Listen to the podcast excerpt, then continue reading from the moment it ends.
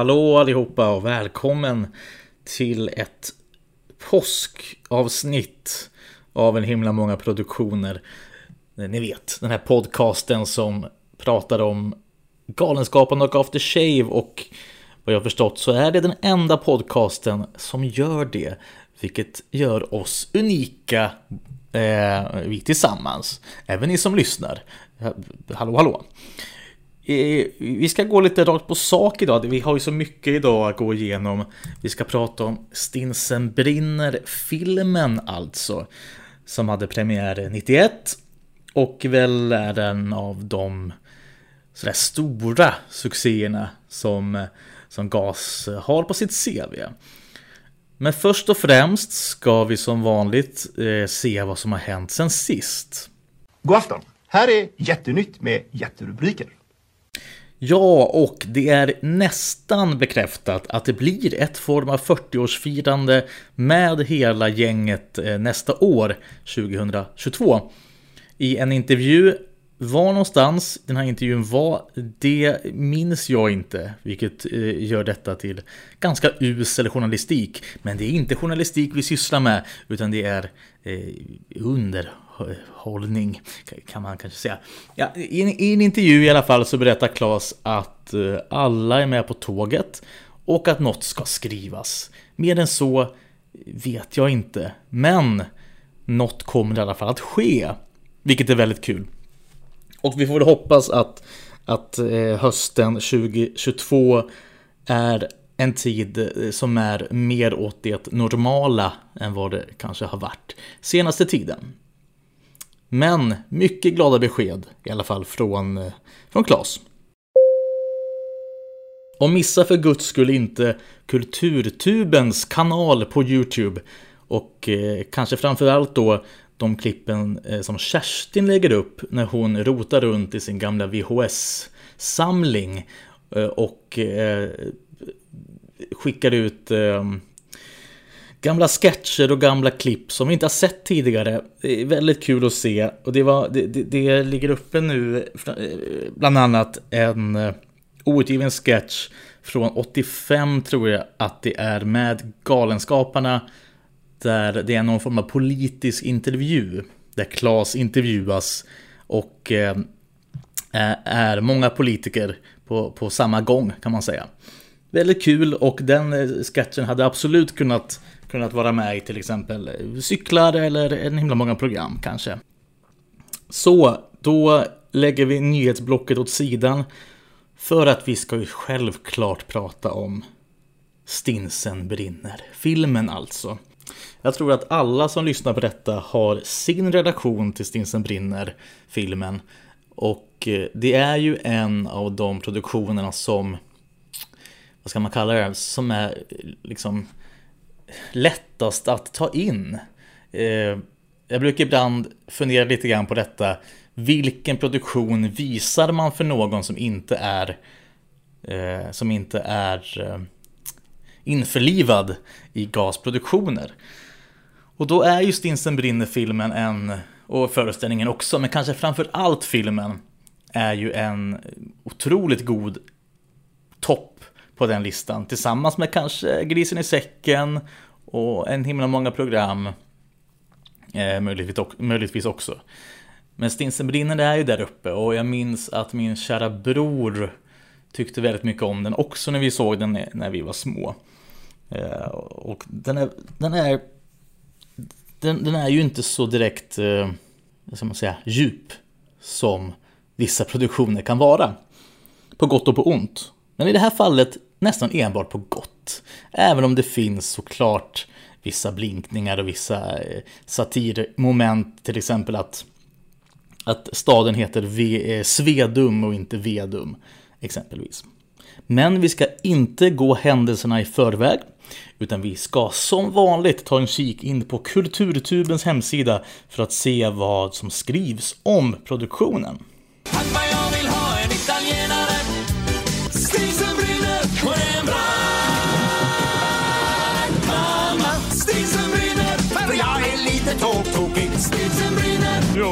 Ingen sork så jag reser Vad håller ni på med Axel? Titta det där gör han i säcken! Titta vad jag har fångat! En säl utan ben. Göte! Här är jag, Jack! Håll dem i schack, Jack! Håll dem i schack! Våren 91 gör Galenskaparna och After Shave en filminspelning av succémusikalen Stinsen brinner som spelades för fulla hus i Göteborg och Stockholm 87 till 90. Dekoden från föreställningen flyttas till en studio och utomhusscenerna filmas vid järnvägsstationen i Västgötska Vedum. Lustigt nog bara några kilometer från platsen där Macken-filmen spelades in. Inspelningen gjordes på rekordtid, ungefär eh, två månader.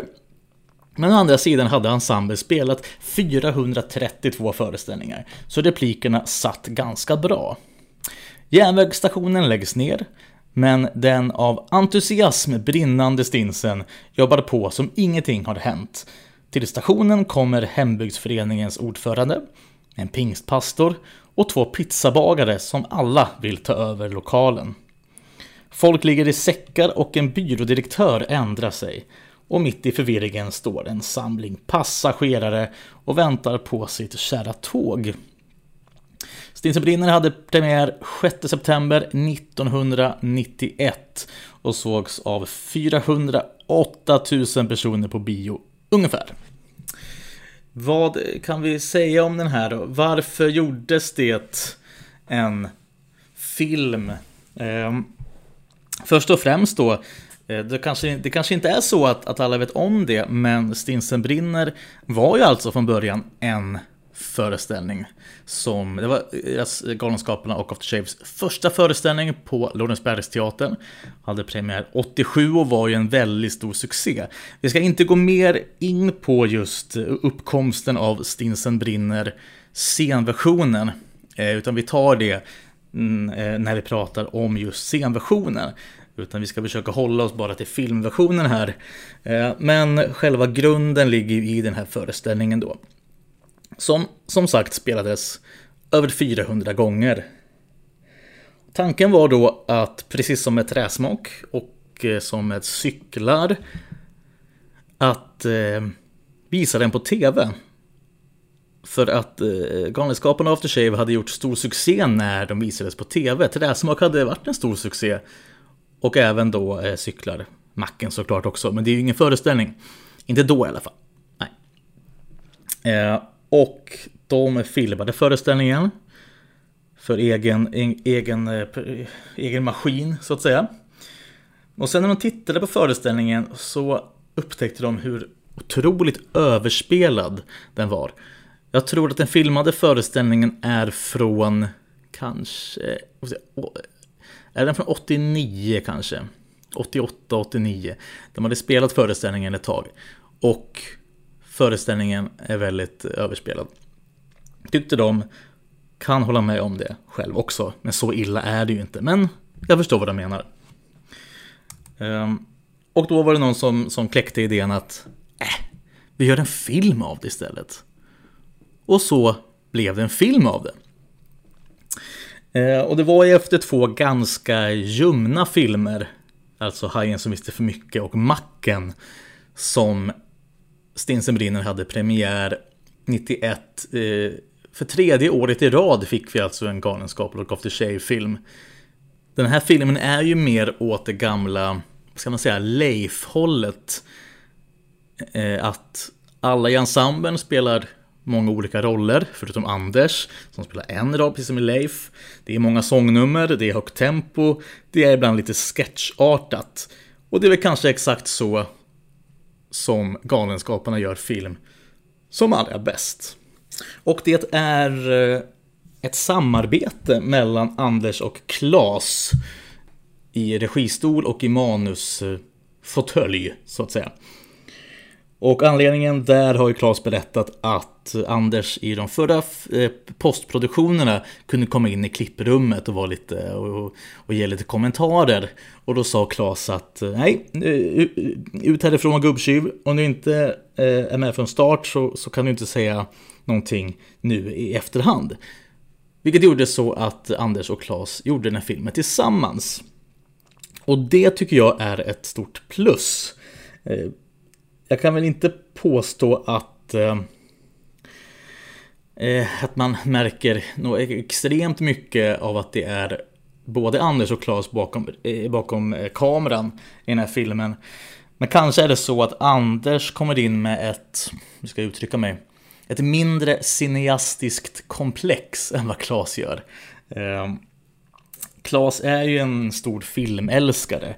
Han är ju en, vad ska man säga, ska man, jag kan inte jämföra med Tarantino, det blir ju svårt, men han, han, han älskar film och det är ju egentligen film som Claes vill göra. Det, var där, det är därifrån han kommer egentligen. Alla andra är ju mer från föreställning och teaterhållet på något sätt. Och Claes är ju mer åt från filmhållet.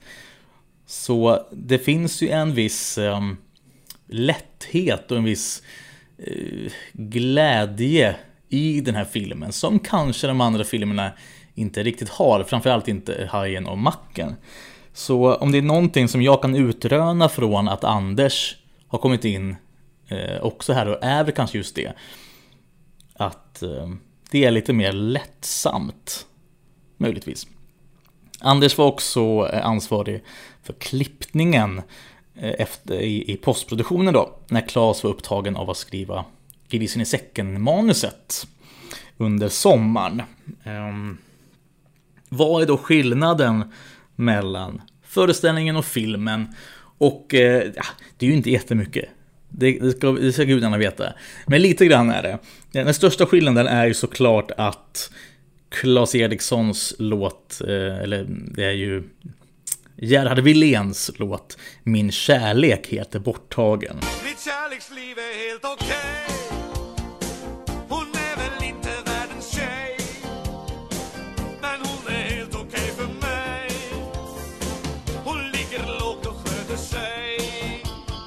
Eh, och det är ju, jag kommer komma tillbaka lite grann till det Men det är ju förståeligt, tycker jag.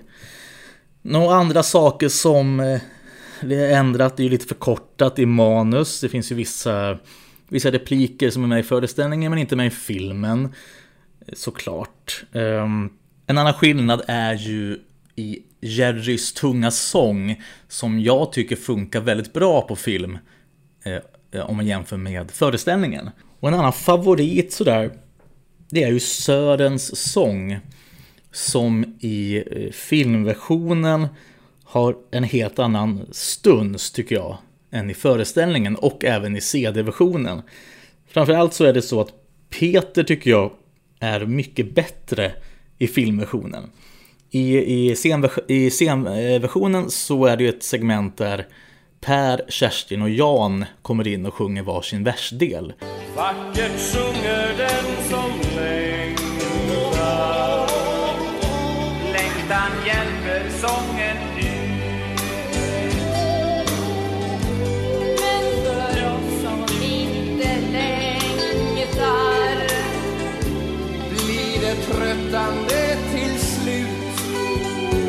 Och sen sjunger Per, eller förlåt, sjunger Peter resten av versen. Men i filmen så har, då är det Knut som sjunger de delarna som Jan, eh, Knut, eller förlåt, Jan, Per och Kerstin sjunger. Och sen sjunger Peter sin, sin vers eh, som i föreställningen då. Vackert sjunger den som längtar. Åh! längtan hjälper sången ut oh, oh, oh,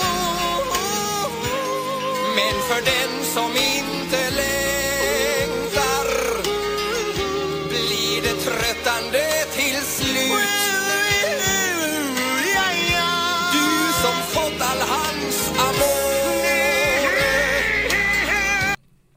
Och eh, det gör, jag tycker han, han gör det otroligt bra, tycker jag i föreställningen, men framför allt i filmen. Det, det, är, jag tycker, det är gåshud tycker jag.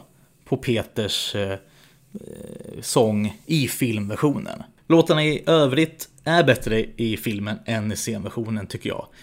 De är ju såklart... Eh, när, jag säger, när jag säger scen, men måste, det, det, finns ju, det finns ju nästan tre varianter på de här låtarna. Det finns en scenvariant, scenversion som vi ser live. Det finns ju en CD-version som ju är gjord utav scenversionen fast i studion. Och så finns det den här filmversionerna av låtarna. Filmversionerna finns ju inte utgivna, vilket eh, man förstår att de inte släpptes då såklart, för att eh, något år tidigare kom ju, eller Stinsen brinner finns ju, fanns ju på LP. Men idag tycker man att snälla kulturtuben, släpp Stinsen-filmen Stinsen brinner filmen, låtarna, versionerna på Spotify. För de, de är ju så jäkla bra och framför allt eh, tycker jag Sören Sång och Statyn och sådär. De här ensemblenumren funkar svinigt bra. De, man märker hur de har utvecklats på bara några år mellan de här åren, alltså mellan runt 87 och 91 då. Ja, jag kan ligga ibland sömnlös och tänka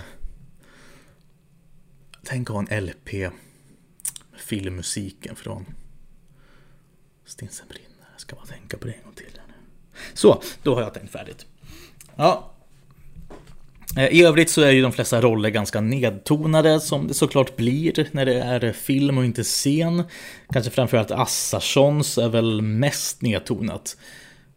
Och det tycker jag är bra faktiskt.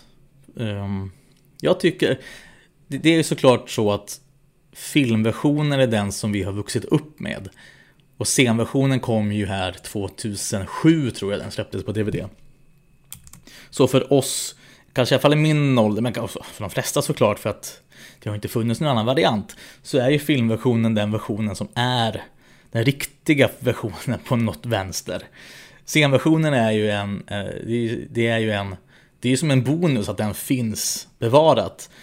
Men ska jag se Stinsen brinner idag och vill, kanske vill visa den så, så är det filmen som jag nog sätter på ändå.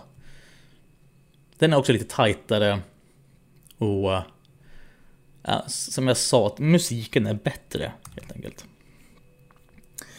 Kuriosa tycker vi om. Ska vi ha en kuriosa, kan vi försöka hitta en kuriosa jingel? Den kommer här. Mm. Våren är här. Mm. Våren är här. När sipporna slår ut på marken och jag får bada i norra Kvarken. Mm. Då är våren här. Mm. Otroligt bra. Vilken jingel. Eh, den här handresinen som är med i filmen som Knut eh, håller på och, och tjafsar med i början av filmen. Det var så att eh, efter en blöt natt, blöt festnatt, så stakade Anders och Jan den här handresinen eh, från Vara till Vedum. Vilket var otroligt tungt. Och det visade sig då att de hade glömt handbromsen i. Eh, så, så kan det vara.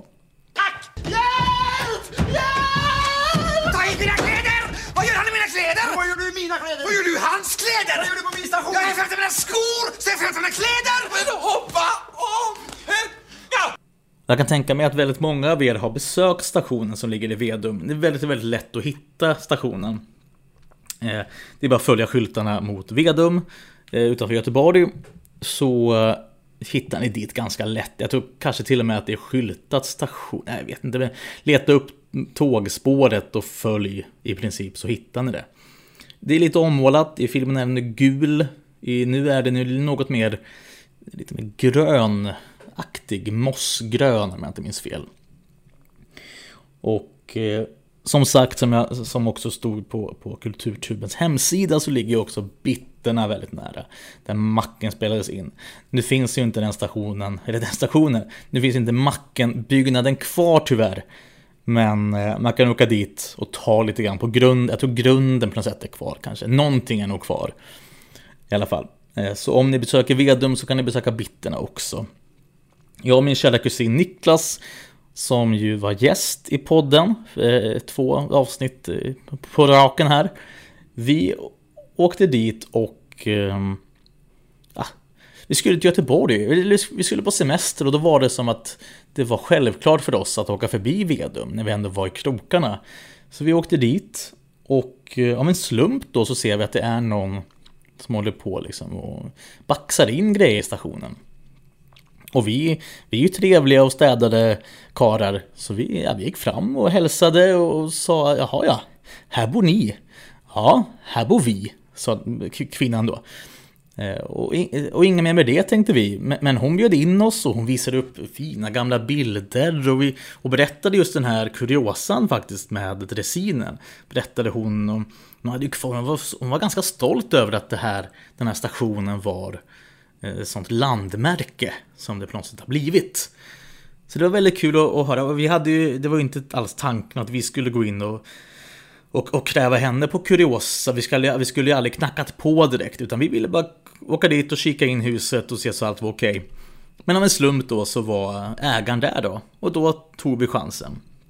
Men det är ju privat egendom såklart, så att eh, man ska ju inte hålla på och rycka i de dörrarna. Men eh, om de är där så, så verkar det som i alla fall att eh, de är eh, väldigt, väldigt trevliga och väldigt eh, de bjöd, de bjöd verkligen på, på de här historierna. Det var det jag skulle komma fram till. Och det var väldigt, väldigt kul.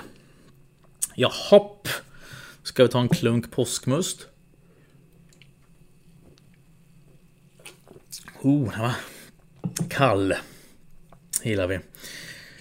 Eh, nu, nu ska vi gå in på den heta listan. Som, eh, som har varit med mången gång tidigare. Det är alltså en, en, en liten heatmap som jag kallar det. 1 eh, till 10. Där 10 är kallast inom citattecken. Och 1 är varmast inom citattecken. Och i en sån här, en sån här produk produktion så är det ju svårt att hitta liksom dåliga saker. Utan jag ser detta mer som 10 tankar om Stinsen brinner som jag har rankat i någon form av ordning. Så kan vi sammanfatta det som. Okej, då kör vi. Plats 10. Skådespelet. Återigen, det är svårt att hitta någon exakt eh, stor direkt minus eller direkt svaghet. Tycker jag i alla fall, om Stinsen brinner. Men en tydlig svaghet är ju att eh, skådespelet tycker jag inte är, på, inte är tipptopp. Och det kommer ju, alltså det, det, det här, den är lite svår den här, den här punkten tycker jag. Men det är ju en film där karaktärerna egentligen är kar karikatyrer, ska jag säga. Karaktärerna är karikatyrer. Mer än att vara karaktärer. De, de är ju inte direkt bottnade, visst. Axel Hansson är väl, har väl lite botten i sig och även Mona. Eh, men resten är ju ganska tunna. Och det gör ju såklart så att skådespelet inte är helt hundra. Och det är ju en film där det inte ska vara tungt skådespel. Det fattar jag också. Men skådespelet kan ju ibland bli lite buskisartat, tycker jag. Även om, och jag ska inte hålla på och ursäkta mig här nu, men, men eh, det finns en förklaring till det, det vet jag. Det är att det, det är en sån typ av film, en sån typ av föreställning från början.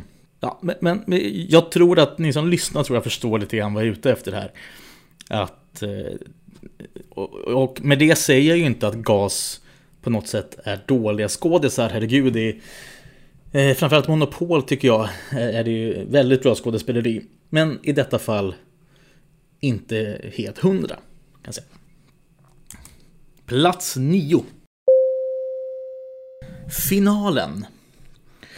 Vi vet att Klas har det ganska svårt med finaler. Och han själv är väl kanske sin största kritiker när det kommer till finaler. Han har ju pratat mycket om att han tycker att hans finaler har varit, det har varit lite svårt. Han tycker att det lät krystat och just Stinsen Brinner-finalen på scenen hade de ju ganska stora problem med. Finns ju en kul minidokumentär, jag tror den finns på YouTube, men framförallt finns det liksom extra material i, i Stinsen, på Stinsen-DVDn, eller Stinsen Blu-ray, vad man nu har för någonting. Där de testar på olika finaler, just för att Klas tyckte att den här finalen inte var så bra. Och det är ju allt från att folk hoppar i säckar och, och Rolf Allan kommer in med något strutshuvud och sådär. Och sen till slut blir det ju så att Per bär in sig själv som staty. För de gör ju en statyn staty helt enkelt. Och därav blev ju också Alla ska bada finalen den finalen som den blev. För att eh, Klas hade, sa ju i någon intervju att eh, nu ska det urarta deluxe här nu. De orden använde han ju inte, men ungefär så. Andemeningen var så.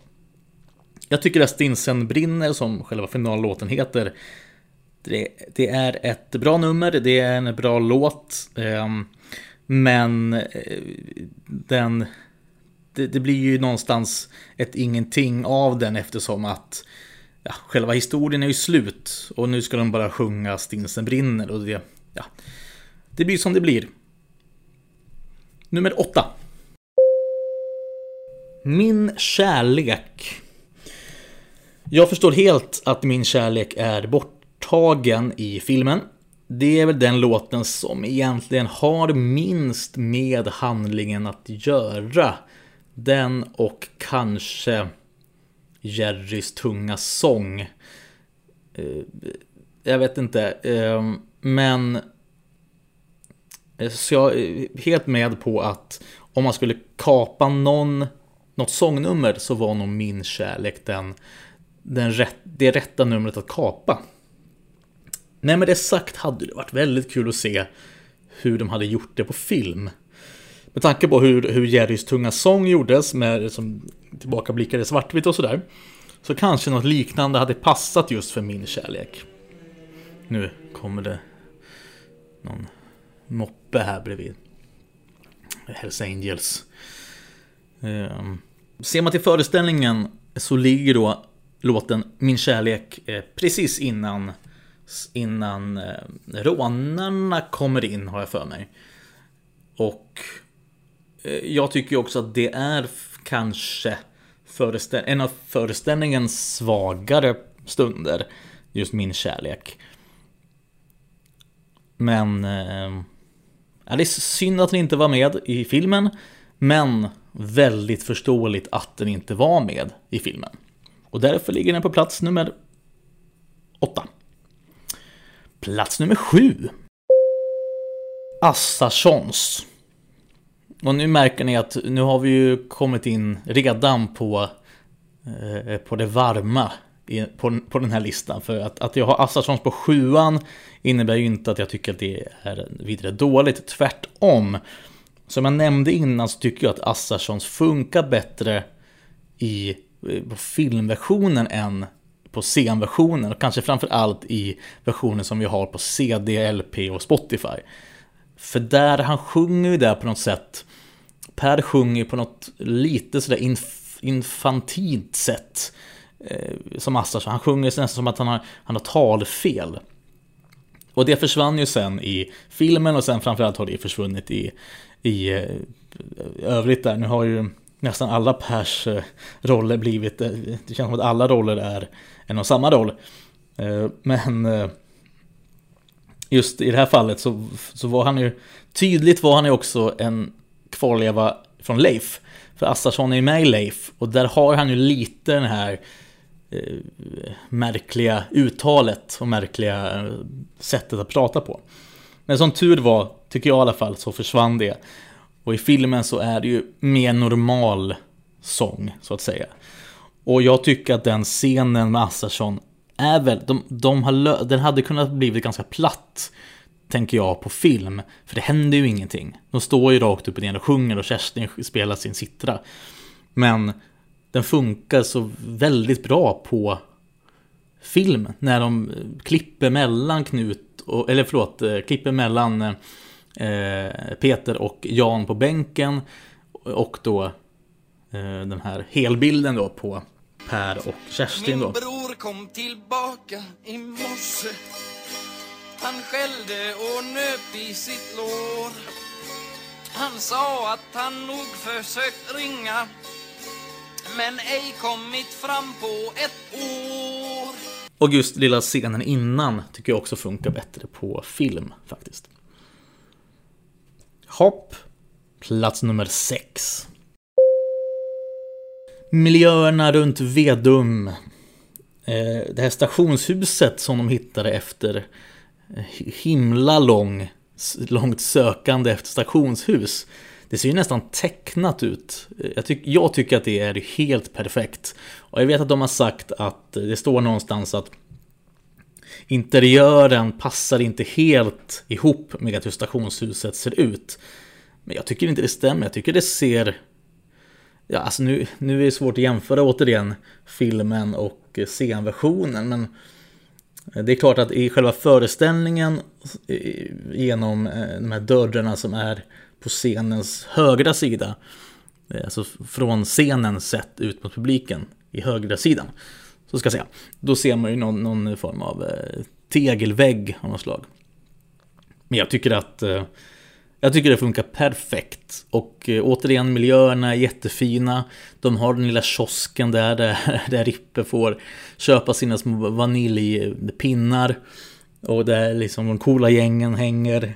Och det, det, det, det, funkar väldigt bra. Och den är ju perfekt storlek. Den är inte för stor, den är inte för liten. Den har den här perfekta småstadsstationskänslan.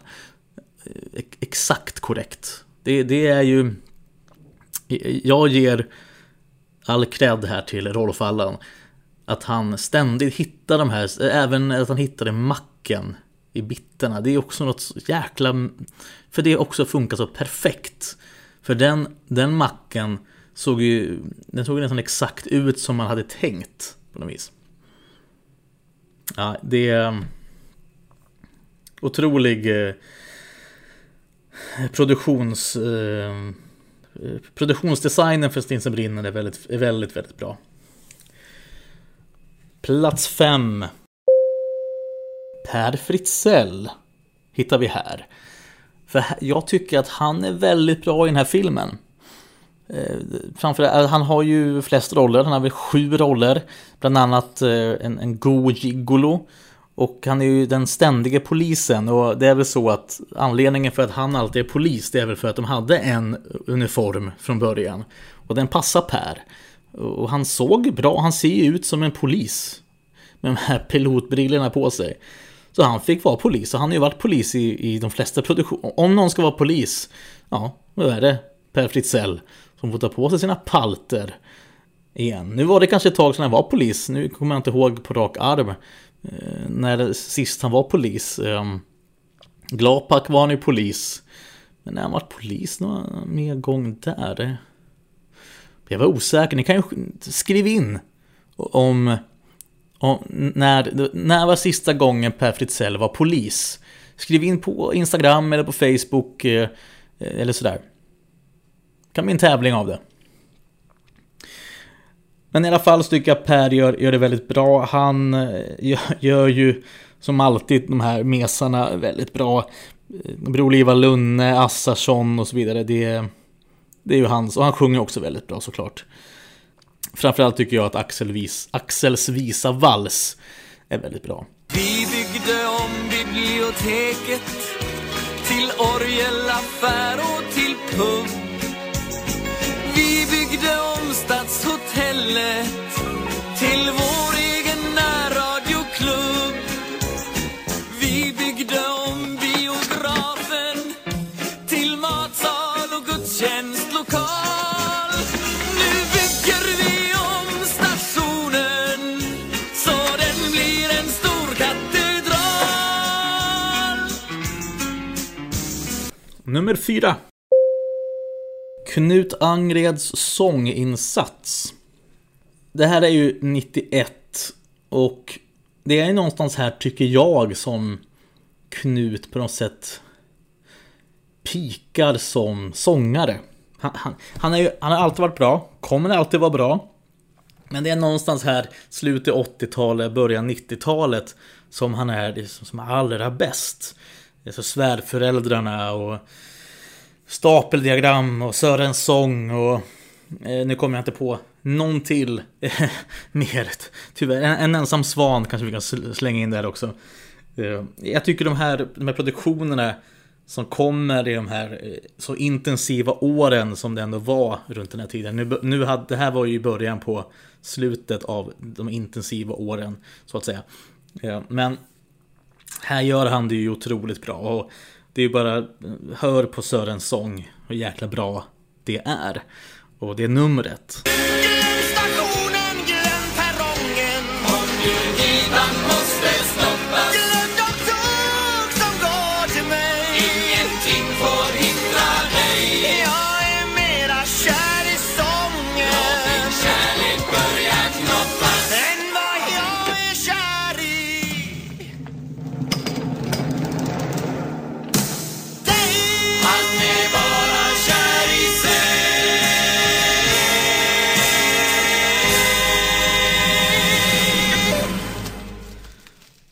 Och såklart i Pappa jag vill ha en italienare också.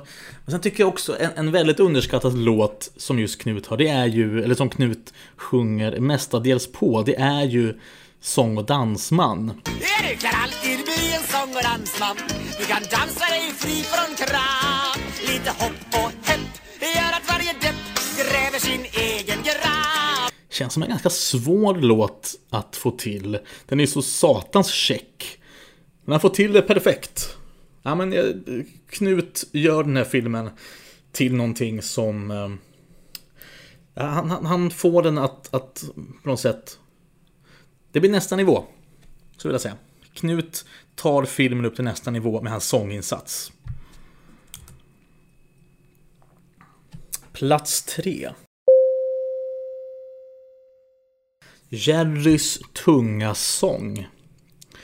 Eller någon låt som är som klippt och skuren för filmen och Eller någon låt som, som, som lyfter Södern Song lyfter ju allra mest tycker jag. Men näst efter Södern Song så är ju Jerrys tunga sång den som verkligen har- fått ett otroligt lyft från scenföreställningen till filmen.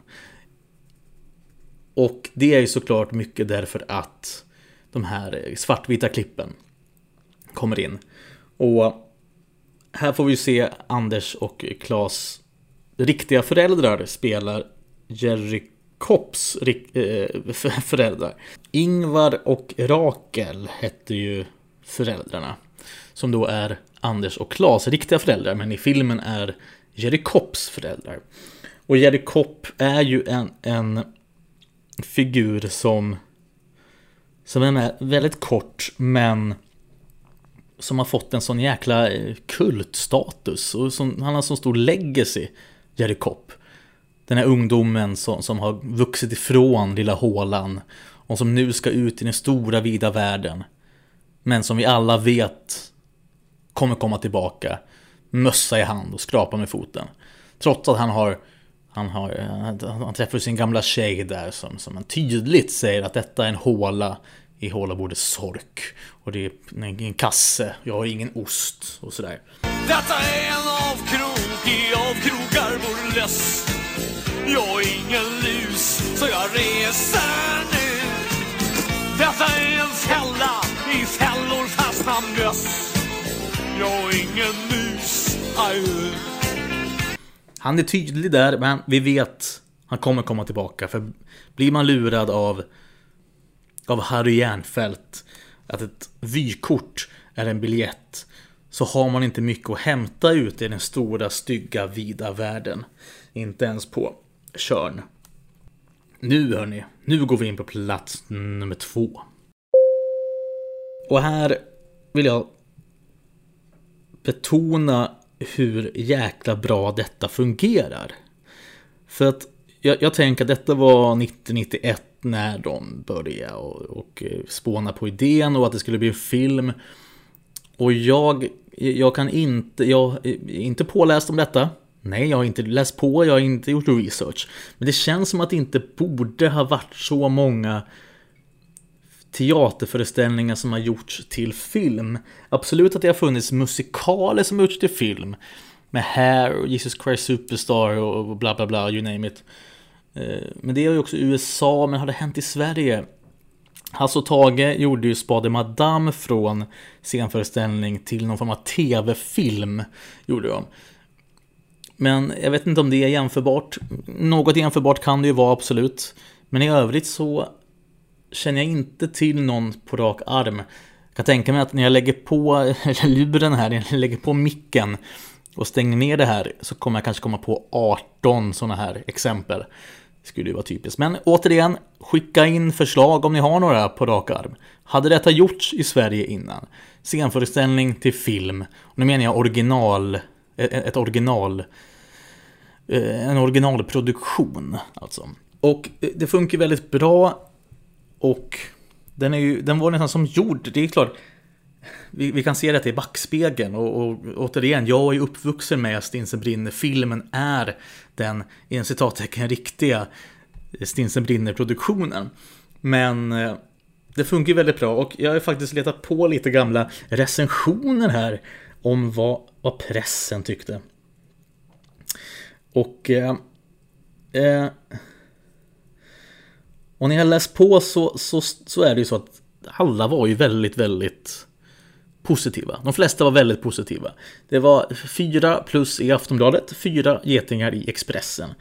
Och, eh, och de får ju väldigt mycket eh, just eh, beröm för att den är väldigt tight. Den är väldigt tät, den är snabb och den är galen. Och Jens Pettersson tycker till och med att filmversionen är bättre än scenversionen. Eh, folkhemskomedi, blandade usla skämt med kluriga sparkar mot byråkrati. Till exempel på usel skämt då, vad så Bruno Liljefors när han målat Mona Lisa, jävlar det blev en räv. Ett skämt som jag inte förstod eh, förrän jag var 27 kanske. Um, per Fritzell får väldigt mycket beröm, även Anders får mycket beröm. Och eh, två nummer som är väldigt eh, hyllade av pressen, det är Bragdmamma som vi faktiskt inte har pratat om. Det, det, den, den skulle kanske också varit med på listan här. Men Bragdmamma och pappa, jag vill ha en italienare. Och Bragdmamma är ju också en sån, det är en, en sånt nummer som de verkligen tog fasta på i filmen och utnyttjade att de kunde gå ut. Där eh, Sören Skärberg backar in den här stora lastbilen med paket som eh, bokstavligen forsas, forslas över alla i, i ensemblen där. Eh, och de bär in detta då. Ja, när jag, jag minns när jag var liten blev jag så väldigt fascinerad över hur de så snabbt kunde få ihop de här stora åbäken med paket. Medan eh, då gigolon såklart har lilla, det lilla paketet bara med litet snöre. Hopp. Vi är redan på plats ett. Och då brukar vi göra så att, att vi går igenom hela listan från botten till toppen innan första platsen avslöjas. Plats 10 Skådespelet. Plats 9 Finalen. Plats 8 Min kärlek. Plats 7 Assarssons. Plats 6 Miljöerna runt Vedum. Plats 5 Per Fritzell. Plats 4 Knut Angreds sånginsats. Plats 3. Jerrys tunga sång. Plats 2. Det fungerade bra på film. Plats 1. Ja, han tar första platsen igen. Anders Eriksson. Vi har hittat honom här uppe i tidigare produktioner, Macken-filmen bland annat. Var han eh, också etta, jag minns inte riktigt om det kanske till och med var så att det Leif han också fick första platsen. Men här får han också första platsen och både för jobbet framför men också jobbet bakom kameran. Det kanske är så att jag drar upp detta till lite för stora proportioner men jag vill verkligen tro och se att jag ser att Anders är med bakom kameran. För jag tycker att den här filmen har en annan typ av, av lust eller en annan typ av feeling, känsla heter det på svenska. Eh, tror jag, jag har ingen översättare som sagt. Än vad de tidigare filmerna har. Anders imponerar också väldigt mycket framför kameran och det, jag tycker det är lite konstigt ändå att för under, den här perioden var ju Anders nästan ständig huvudroll. Han hade ju liksom de största rollerna egentligen från träsmak. Där det var ju han som drog ner de egentligen största applåderna och skratten med Roy. Cykla var, I Cykla var han ju eh, eh både, eller framförallt var han ju Adam. Men också eh, eh, var han ju med i eh, Han var ju hjärnan, Göstas hjärna och han var också Leadman i själva cyklarsketchen på slutet. Macken var ju Macken, Leif huvudperson. I Hajen var han också någon form av huvudperson. I Macken-filmen såklart också huvudperson. Stinsen brinner huvudperson. Och Grisen i säcken var han också någon form av huvudperson-ish. Kan man säga. Och jag blir lite förvånad över att Anders inte har fått mer, Kan man säga, eh, cred är väl kanske fel ord, men eh, upprättelse som eh, komiker. Eller eh, som skådespelare, som, som humorist. Givetvis att det var Klas som skrev allt och regisserade det mesta. Men, och jag vet ju om, jag vet om att Anders fick någon form av Sveriges roligaste man epitet någon gång där. I slutet av 80-talet. Men det känns på något sätt som att Anders Erikssons um, gärning borde klassat, klassas lite högre än vad det kanske gör. För oss i, i gaskretsar så är det såklart att Anders är eh, högt uppskattat. Men i, i, i, nästa steg så, så, så eh, borde, borde det nästan vara högre. Borde han ligga högre tycker jag. Det kanske är så att han, han gör det för att han är Roy och han är farbror Frej. Och ja, någon till. Ja, Axel Hansson givetvis. Eh, men... Eh, men det är väl också, också styrkan hos, hos GAS såklart. Hade det varit så att Anders blev den här stora stjärnan som han var nära på att bli där efter macken. Så hade de kanske inte funnits till idag. Och det var ju därför som Klas skrev Stinsen brinner där 87. För att direkt gå på något nytt och inte fastna bara i Mackenspåret. Vilket ju såklart räddade gruppen. Och då är vi tillbaka på Stinsen brinner igen. Och vi knyter ihop säcken tycker jag där. Stinsen brinner-säcken. Ska vi ta Ska vi ta något mer innan vi lägger på luren? Jag har inte pratat så mycket om Jan Rippe och Kerstin Granlund kanske i, i avsnittet. Eh, framförallt inte om Jan Rippe. Jan spelar ju här då någon form av urtyp av Jan Rippe. En Jan Rippe-roll. Han spelar Ernst Ivarsson. Och han gör ju det han, det han gör bäst. Nämligen eh, eh spela tunt Kerstin spelar eh, fruar och flickvänner mest latin och gör det också väldigt bra. Bragdmamman är ju en av de bästa numren som GAS har gjort. Och därför borde kanske ha platsat på listan. Lätt att vara efterklok. Peter Rangmar gör ju en väldigt bra Sven Sidney och det är väl i Sven Sidney man ser första tecknet på en på någon form av eh, utveckling eh, för, för Peter Rangmar som har varit Fram tills dess har ju varit ganska anonym och eh, har själv tagit den positionen. Han ville vara, han ville vara en del av ensemblenummer och han ville vara en del av After Shave. Men han ville inte sticka ut. Men med Sven Sidney så var han ju tvungen att sticka ut och han gör det ju galant också. Eh, den utvecklingen fortsätter ju såklart i Astor Kvarts. Och eh, Karl Kloss. Och toppas av eh, Sune Finåker i Monopol.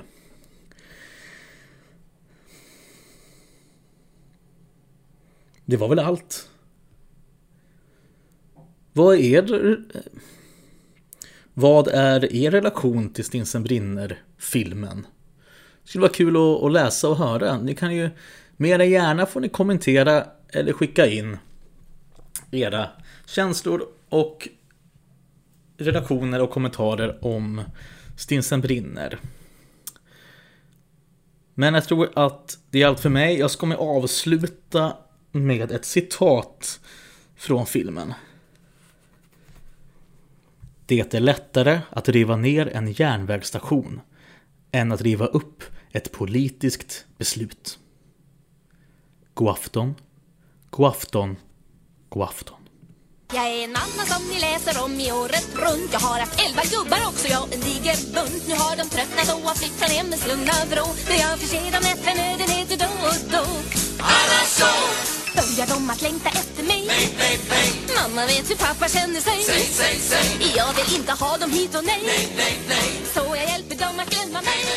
Jag skickar öl till München, grogg till London, konjak till Shanghai